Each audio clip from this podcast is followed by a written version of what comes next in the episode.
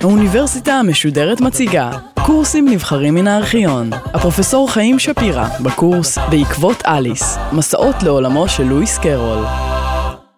את רוב הקטעים בספרי אליס, או אולי אפילו את כולם, ניתן לפרש באופנים שונים ומגוונים.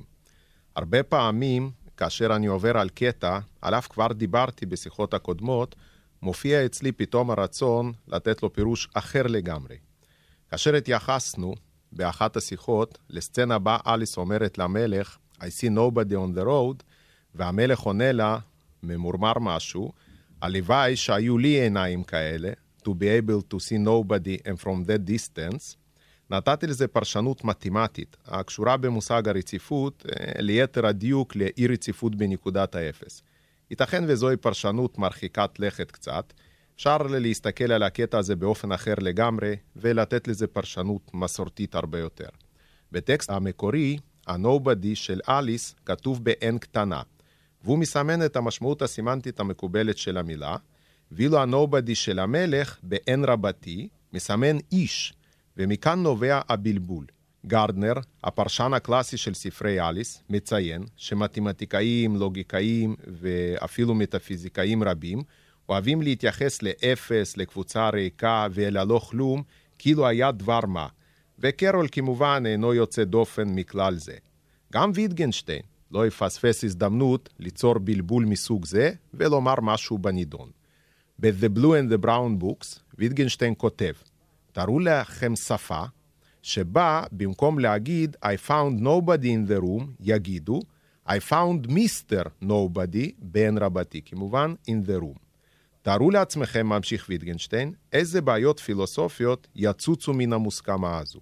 וכרגיל, במקום שבו ויטגנשטיין נכנס להרהורים עמוקים מאוד ודכדוך לא מבוטל, קרול ממשיך להשתעשע. כאשר המלך שואל את השליח, Who did you pass on the road? עונה השליח, Nobody. כמובן שעברת את Nobody, האיש בן רבתי, אומר המלך, הרי גם הילדה אליס ראתה אותו. לכן ברור, ממשיך המלך, ש- Nobody walks slower than you. המלך דווקא התכוון להחמיא לשליח, אך זה נעלב עד עמקי נשמתו, איך השליח באמת יכול לנחש שאין המלך מתכוון ל-Nobody בן קטנה, אלא ל-Nobody האיש, שפשוט הולך לאט ממנו. הרי השליח עבר אותו. על כל פנים, עונה השליח למלך, בכעס לא מבוטל, שהוא עושה כמיטב יכולתו, ולפי דעתו, nobody walks faster than I do. הכל הפוך על הפוך. הטירוף ממשיך לחגוג. המלך מנסה לעודד את השליח, ואומר לו שלא ייתכן שנובדי הולך מהר ממנו. כי אז נובדי היה כמובן מגיע לפניו, וזה לא מה שקרה. המלך מעניק למילה nobody, ב-n קטנה כמובן, משמעות משלו. האם הוא רשאי לנהוג כך, אפילו שהוא מלך? האם רשאים אנו לנהוג כמוהו ולהקנות למילים את המשמעות שאנו מחליטים עליה? מבקרים רבים מזכירים שעוד אצל הומרוס, בעזרת טריק דומה או אפילו זהה לחלוטין, אפשר להגיד, הערים יוליסס על הקיקלופ בעל העין האחת בכך שקרא לעצמו nobody. כאשר הוציא יוליסס לקיקלופ את העין, והקיקלופ צעק, nobody is killing me, איש לא הבין למה הוא מתכוון, וכמובן גם אף אחד לא בא לעזרתו. העניין הוא כמובן לא רק בכך האם מותר לקחת מילה בעלת משמעות מסוימת בשפה ולהפוך אותה לשם, אלא האם זה אפשרי להקנות למילים כל משמעות שנחליט עליה. האם אני יכול לומר למשל גלידה ולהתכוון לחיל ורעדה? האם אני יכול לומר בלה בלה בלה בלה ולהתכוון ל... אם לא ירד מחר גשם רציני, אני אכעס מאוד על מלך ספרד. האם זה מותר? ויטגנשטיין יוצא נגד רעיון זה של שפה פרטית. אנחנו כמובן דנים עתה בבעיה המפורסמת של saying and meaning. במחקרים הפילוסופיים שלו, סעיף 665, כותב ויטגנשטיין כך: שווה בנפשך שמישהו מצביע על לכיו בהבעת פנים של כאב עז עד מאוד, ואומר בתוך כך, אברה כדברה. אנו שואלים, למה אתה מתכוון? והוא עונה, התכוונתי בכך לכאב שיניים. אתה מיד שואל כיצד ניתן בכלל במילה זו להתכוון לכאב שיניים. ואולם כלום איני יכול איפה לומר באברה כדברה אני מתכוון לכאב שיניים? כמובן, אך זוהי ההגדרה. הגדרה ולא תיאור של תהליך מנטלי שמתרחש בי בעת הגיית המילים. בסעיף הבא, דרך אגב, מספר 666, איזה מספר מיוחד, כותב ויטגנשטיין, מה יקרה אם בזמן כאב שיניים אני שומע שמישהו מכוון פסנתר? ואני אומר, בקרוב זה ייפסק. למה אני מתכוון? לבטח יש הבדל האם התכוונתי לכאב שיניים או לכיוון פסנתר, כמובן. אבל מה מקונן הבדל זה? נחזור אולי בנקודה זו חזרה למבעד למראה. את יכולה לקבל 364 מתנות לא יום הולדת, ורק מתנת יום הולדת אחת בשנה. לזה אני קורא תהילה, אמר אמפטי דמפטי. אני לא מבינה מה זה שייך לתהילה, אמרה אליס. אמפטי דמפטי חייך בבוז, וגם לא תביני, עד שהסביר לה. התכוונתי ל... הרי לך תשובה ניצחת. אבל המובן של תהילה אינו הרי לך תשובה ניצחת. כאן מגיע אחד הפסוקים המצוטטים ביותר מתוך אה, שני ספרי אליס, אולי אפילו כמעט המצוטט ביותר ממש. כשאני משתמש במילה, אמר אמפטי דמפטי, בנימה של בוז ניכר, מובנה הוא בדיוק המובן שאני בוחר בשבילה. לא פחות ולא יותר. השאלה היא, אמרה אליס, אם אתה יכול לקפוט על מילים מובנים. השאלה היא, אמר אמפטי דמפטי, מי כאן האדון? זה הכל. אז מי כאן באמת האדון? האם אנחנו אדונים על המילים, או האם המילים שולטות בנו? לואיס קרול היה מודע לגמרי לעומק הדיון המוזר ביותר הזה שמנהל אמפטי דמפטי בענייני סימנטיקה. דרך אגב, יש אפילו אנשים הרואים בלואיס קרול את אבי תורת הסימיוטיקה.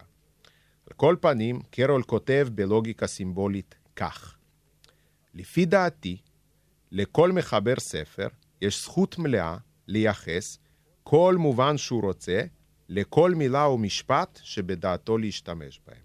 עליו רק לכתוב, בפתח הדבר של ספרו, שכאשר מכאן ואילך הוא יגיד לבן, הוא יתכוון לשחור. וכאשר הוא יגיד שחור, הוא למעשה מתכוון ללבן.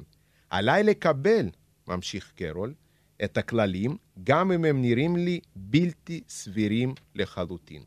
כמובן, ההחלפה הזו בין לבן לשחור אינה יכולה שלא להזכיר לנו את 1984 של ג'ורג' אורוויל, שם מחליפים הרבה מאוד דברים. שם מחליפים בין מלחמה ושלום, מחליפים בין אמת ושקר, לבן ושחור, וכך הלאה והלאה.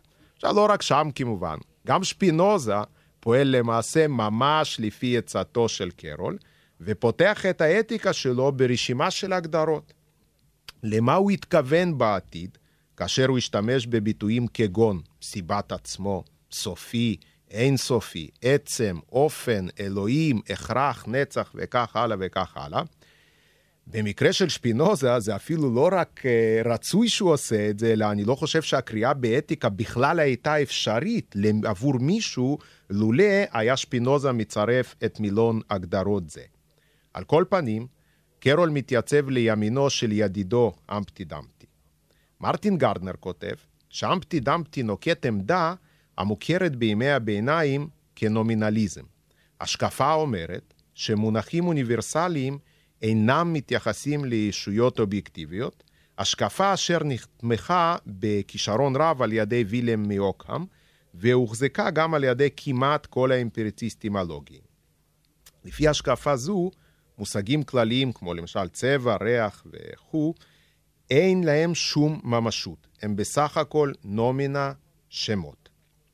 גרדנר ממשיך ואומר שאפילו במתמטיקה נשפכו כמויות עצומות של אנרגיה על ויכוחי סרק בדבר המובן של ביטויים כמו מספר דמיוני, ישר אינסופי, מספר טרנספיניטי, מימד פרקטלי וכך הלאה.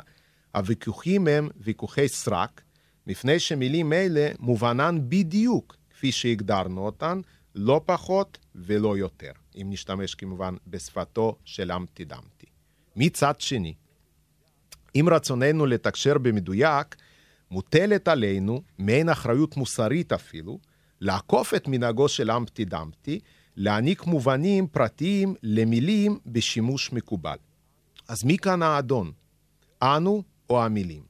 זאב לוי, במאמרו על אליסה בארץ הפלאות ללואיס קארול, השלכות פילוסופיות ולוגיות, כן, שם ארוך מאוד, כותב שאין זה מקרה בוודאי שבאנגלית, בצרפתית, והאמת היא בעוד שפות רבות, המילה סמכות, authority, נגזרת מן המילה מחבר, author. המחבר הוא האדון, בעל הסמכות, ממש כדברי אמפטי דמפטי. אך ממשיך לוי, המחלוקת נשארת בעינה. למשל, מגימת הדקונסטרוקציה בהשראת ז'אק דרידה טוענת בדיוק את ההפך, כאשר היא דנה ביחסי הגומלין אה, בין מחבר, טקסט, קורא ומבקר. על כל פנים, שאלתו של אמפטי דמפטי, מיהו האדון, שומרת על אקטואליות פילוסופית שלה, אני חושב, עד היום. רוג'ר הולמס, במאמרו אליס בארץ הפלאות של הפילוסוף, שהוא כתב אותו בשנת 1959, מסכם את הסוגיה הזו כך: במובן אחד, המילים שולטות בנו, אחרת התקשורת הייתה בלתי אפשרית. במובן אחר, אנחנו האדונים, אחרת השירה לא הייתה אפשרית. ואכן, בעולמו של קרול, האדונים על המילים הם משוררים, לוגיקאים ומטורפים. עוד לפני השיחה המפורסמת בין אמפטי דמפטי לאליס, כאשר אמפטי דמפטי רק פגש אותה, הוא שואל לשמה. שמי אליס, היא התחילה לענות, זהו שם טיפשי למדי קטע אותה אמפטי דמפטי מיד בקוצר רוח, מה המובן שלו? האם חייב להיות לשם איזשהו מובן? שאלה אליס בספקנות. ודאי, אמר אמפטי דמפטי בצחוק קצר. השם שלי אומר משהו על הצורה שלי, ובאמת, יש לי צורה מאוד מאוד יפה וטובה. עם שם כמו שלך, יכולה להיות לך כל צורה, כמעט. מעניין לציין שדווקא בקשר לשמות פרטיים, פתאום מפסיק אמפטי דמפטי להיות נומינליסט, והופך להיות ריאליסט לתפארת. נקודה נוספת היא, מעניינת אולי, שידועים שבטים אינדיאניים שנהגו ממש לפי עצתו של אמפטי דמפטי, להתייחס ברצינות תהומית לשם, כך שתהיה לו משמעות אמיתית. והם אף נהגו להחליף את השם מספר פעמים במרוצת חייו של אדם. אני יודע, למשל, בצעירותו קראו לו השור הזוהם, בבגרותו הים השקט, ולעת זקנתו רגל בקבר, או רגל פה רגל שם, או כל גרסה אחרת. פיטר אלכסנדר, במאמרו "הלוגיקה וההומור" של לואיס קרול, שהוא כתב אותו בשנת 1951, מסב את תשומת ליבנו להיפוך, שהאמת הוא מאוד מאוד אופייני ללואיס קרול. בעולמו של אמפטי דמפטי, המילים הרגילות נושאות כל מובן שאמפטי דמפטי רוצה להעניק להן, בעוד ששמות פרטיים כמו אליס, לואיס, אמפטי דמפטי וכו' וכו', אמורים להיות אוניברסליים. ברור לכל כי בחיים הממשיים ההפך הוא הנכון. הטענה של אלכסנדר כותב גרדנר, ואין לנו אלא לתמוך בה בחום, איש ההומור של קרול מושפע מאוד באופיו מהעניין שלו בלוגיקה פורמלית. כאן אולי מעניין לציין שמכל הנושאים האפשריים שעליהם כתבו בהקשר לסיפורי אליס, כבר ציינתי את זה באחת השיחות, אני חושב שבאמת כתבו על כל נושא אפשרי, דווקא על נושא ההומור נכתב יחסית מעט, אה, ואולי אחת הסיבות לכך היא שהניסיון להגדיר הומור הינה אחת מהגדרותיו. סיבה אחרת היא, כמובן שכל דיון רציני בנושא ההומור הורס את הכיף מיד. כן, הרבה יותר uh, כיף באמת uh, לנתח את דיכיונו של המלט מאשר איזשהו סיפור uh, מצחיק. המקור הסודי של ההומור, כתב פעם מרק טווין, אינו שמחה. המקור הסודי של ההומור הוא צער. אין הומור בגן עדן. גוגול כתב שאם מתבוננים בסיפור מצחיק כלשהו ביסודיות ובמשך זמן מספיק, מתחילים לראות שזהו למעשה סיפור עצוב עד מאוד. אצל קרול אין אנו זקוקים אפילו להתבוננות זו, מיד בולטת לעין העובדה שלפנינו סיפור מצחיק מאוד מאוד מאוד, ועצוב אפילו עוד יותר בו זמנית. לא מפתיע שיש כל כך הרבה התייחסויות למוות, אה, די מרומזות בספר הראשון, אבל גלויות לחלוטין בספר השני. איך שלא נסתכל על זה, ההומור נמצא בלב-ליבו של היצירה הזו, ולמעשה של כל יצירותיו החשובות של קרול. אפילו הלוגיקה הסימבולית שלו היא די משעשעת. מי שיקרא בה, אז הוא יראה שרוב הדוגמאות שם הן פשוט מאוד מאוד מצחיקות. ולכן, שום דיון בעבודתו של קרול יכול להיות שלם מבלי לבחון לפחות כמה מן העקרונות הללו. במיוחד כמובן בהקשר לספרי אליס. ריצ'רד קלי בוחן את עקרונות ההומור של קרול דרך המשקפיים של יצירתו של אנרי ברקסון על הצחוק, אשר פורסמה בשנת 1900. המאמר של קלי עצמו נקרא מבעד למראה של ברקסון, והוא פורסם בשנת 2002. כבר בתחילת המאמר מציין ברקסון כי צחוק ורגש אינם מסתדרים זה עם זה. אדישות זהו התנאי המוקדם וקרקע פורייה לצחוק, ואין לו לצחוק אוהב גדול יותר מאשר רגש או התרגשות. קלי מציין שגם בשירה הקומית שלו וגם בפרוזה, בספרי אליס, או כל ספר אחר, קרול מנותק רגשית לחלוטין מן הדמויות שלו, וגם הדמויות אינן קשורות כלל לסביבתן. החתול מצ'שייר מהווה אולי בהקשר זה את הדוגמה היפה ביותר. החתול, שהוא סמל ברור לניתוק אינטלקטואלי, לובש על פניו חיוך קבוע של צופה משועשע. חתול מצ'שייר, דרך אגב, הוא הדמות היחידה בספרי אליס שמודה כי הוא משוגע. עובדה עושה אותו ליחידי כמובן שהוא שפוי. גם לנו הקוראים, כלל לא אכפת מגורלו של החתול מצ'שייר, וזה מה שמאפשר לנו להיות כל כך משועשעים כאשר נערך דיון בדבר אפשרות להתיז את ראשו. כן, האם אפשר להתיז למישהו שאין לו גוף, האם אפשר להתיז לו ראש? תליין סבור שאי אפשר להתיז ראש, אלא אם כן יש גוף המחובר אליו, ואילו המלך סבור היה כי כל דבר בעל ראש אפשר לכרות את ראשו. אולי כדאי לציין שבאנגלית יש לנו פה משחק מילים, לשון נופל על לשון, ממש נפלא. הרי לכרות ראש באנגלית זה behead, נגזרת מהמילה ראש head. גם אליס מנותקת לחלוטין מכל יצורי ארץ הפלאות, ואינה מפתחת שום מערכת יחסים שאורכת זמן סביר עם אף אחד מהם, וכמובן, לא חשה שום רגשות כלפיהם. כדי ליצור את האפקט המושלם, כותב ברקסון, חייב ההומוריסט להיות חסר לב לחלוטין, כי ההומור פונה לאינטליגנציה בראש ובראשונה. אולי רק לאינטליגנציה. ובאמת חלק מהבדיחות באליס בארץ הפלאות הן מובנות רק למדענים, אני יודע, מתמטיקאים, לוגיקאים, פיזיקאים. חלק מהדברים גם לא מובנים להרבה מאוד אנשים, כי למשל הפרודיות שלו על השירים המוסריים של תקופתו מצחיקות הרבה יותר אם אתה מכיר את המקור. וזו כנראה הסיבה שכאשר נבוקוב תרגם את אליס, הוא כתב פרודיות על שיריהם של פושקין ולרמונטוב, כי אלה השירים הידועים לקורא הרוסי, ולא למשל השירים הדידקטיים של אייזיק ווטס, שאף אחד כנראה, או כמעט אף אחד מהם לא מכיר אותם. דבר יסודי נוסף, לפי ברקסון, הגורם למצבים קומיים הוא המתח בין נוקשות לגמישות. באופן כללי יותר, אליס מציגה את הקרב בין נוקשות לגמישות. דמותה של אליס מגלמת מוסכמות נוקשות מאוד, ואילו ארץ הפלאות וכל הדמויות המטורפות שם ממש חותרים תחת המוסכמות הללו.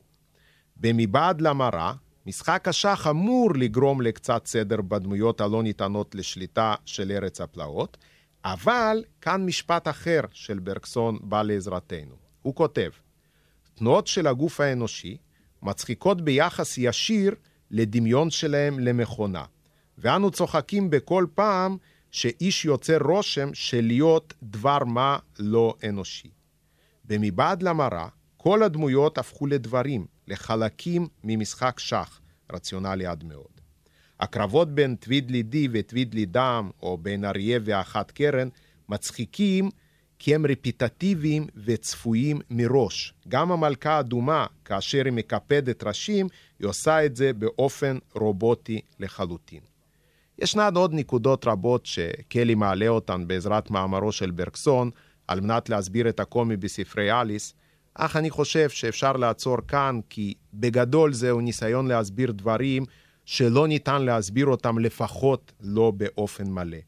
אני חושב שהיופי של הקטעים המצחיקים בספרי אליס טמון בעובדה שכמעט ולא ניתן לקטלגם לפי קבוצות דמיון כלשהם. כל קטע יש לו את היופי שלו ואת הייחודיות שלו, אשר או לא ניתן להסביר כלל, או ניתן להסבירו באופן המתאים אך ורק לו, והקדשנו לזה לא מעט זמן בשיחות הקודמות שלנו. נזכר אולי בחלק מהקטעים בצורה יותר תמציתית מתמציתית. השיר הזה לא נכון מתחילתו ועד סופו. יש לי a long set tale, סיפור או זנב. כיצד נקרא שמו של שיר זה? למה עורב דומה לשולחן כתיבה? אני רואה את מה שאני אוכל, ואני אוכל את מה שאני רואה. לו הכרת את הזמן כמוני, היית יודעת שמהותו זה בזבוז. לולא היית משוגעת, לא היית באה לכאן. כולנו משוגעים. חתול ללא חיוך, חיוך ללא חתול. נחש אוהב ביצים, גם אליס אוהבת ביצים, ולכן אין ברירה, אליס היא נחש. לו כולם היו עוסקים בעניינם, כדור הארץ היה מסתובב מהר יותר. אני לא יכולה להסביר את עצמי היום, כי אינני עצמי היום. קל לייבש את כולכם, אני פשוט אספר לכם את הסיפור היבש ביותר עלי האדמות. שונה ככל האפשר.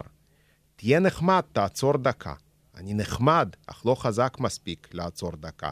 קל יותר לעצור רכבת. את יודעת טוב מאוד שאת לא ממשית. חמישה לילות חמים פי חמש מלילה בודד. בגילך הייתי מאמינה בחמישה-שישה דברים בלתי אפשריים, וזה עוד לפני ארוחת הבוקר. אצלנו, כדי להישאר במקום, אתה צריך לרוץ במלוא העוצמה. הלוואי והיו לי עיניים כאלה לראות אף אחד, אף אחד כמובן באלף רבתי. ועוד ממרחק זה.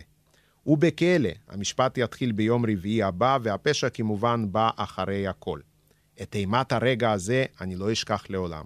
תשכח ועוד איך תשכח אם לא תעשה ממורנדום. אין כמו לאכול קש כשאתה מאולף, אין כמו ספרי אליס בארץ הפלאות. קשה לי מאוד להאמין שניתן להציע פרשנות כוללנית ושיטתית לקטעים אלה. חשוב גם לזכור שההומור שבקטעים האלה הוא לא מטרה כשלעצמה, אלא יותר שער המזמין אותנו להיכנס פנימה ולראות שם המון דברים מרתקים. כל אחד גם כנראה נכנס לספרי אליס דרך שער אשר נבנה במיוחד עבורו, ואני מראש מבקש סליחה מקפקא. אין קריאה אחת בספרי אליס ואין פרשנות אחת. ספר טוב, כמו שכתב ליכטנברג, הוא תמיד סוג של מראה. הבן אדם רואה שם את עצמו.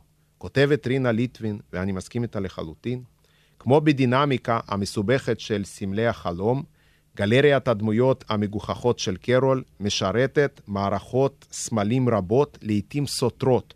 אחת הסיבות לכך שספרי אליס נתפסים כחסרי היגיון היא העובדה שמשהו בהם דוחה פרשנות שיטתית. חמקמקותם אינה מאפשרת פרשנות כזו. זהו בין השאר, כותבת רינה, סוד קסמם, ואולי גם סוד חיוניותם.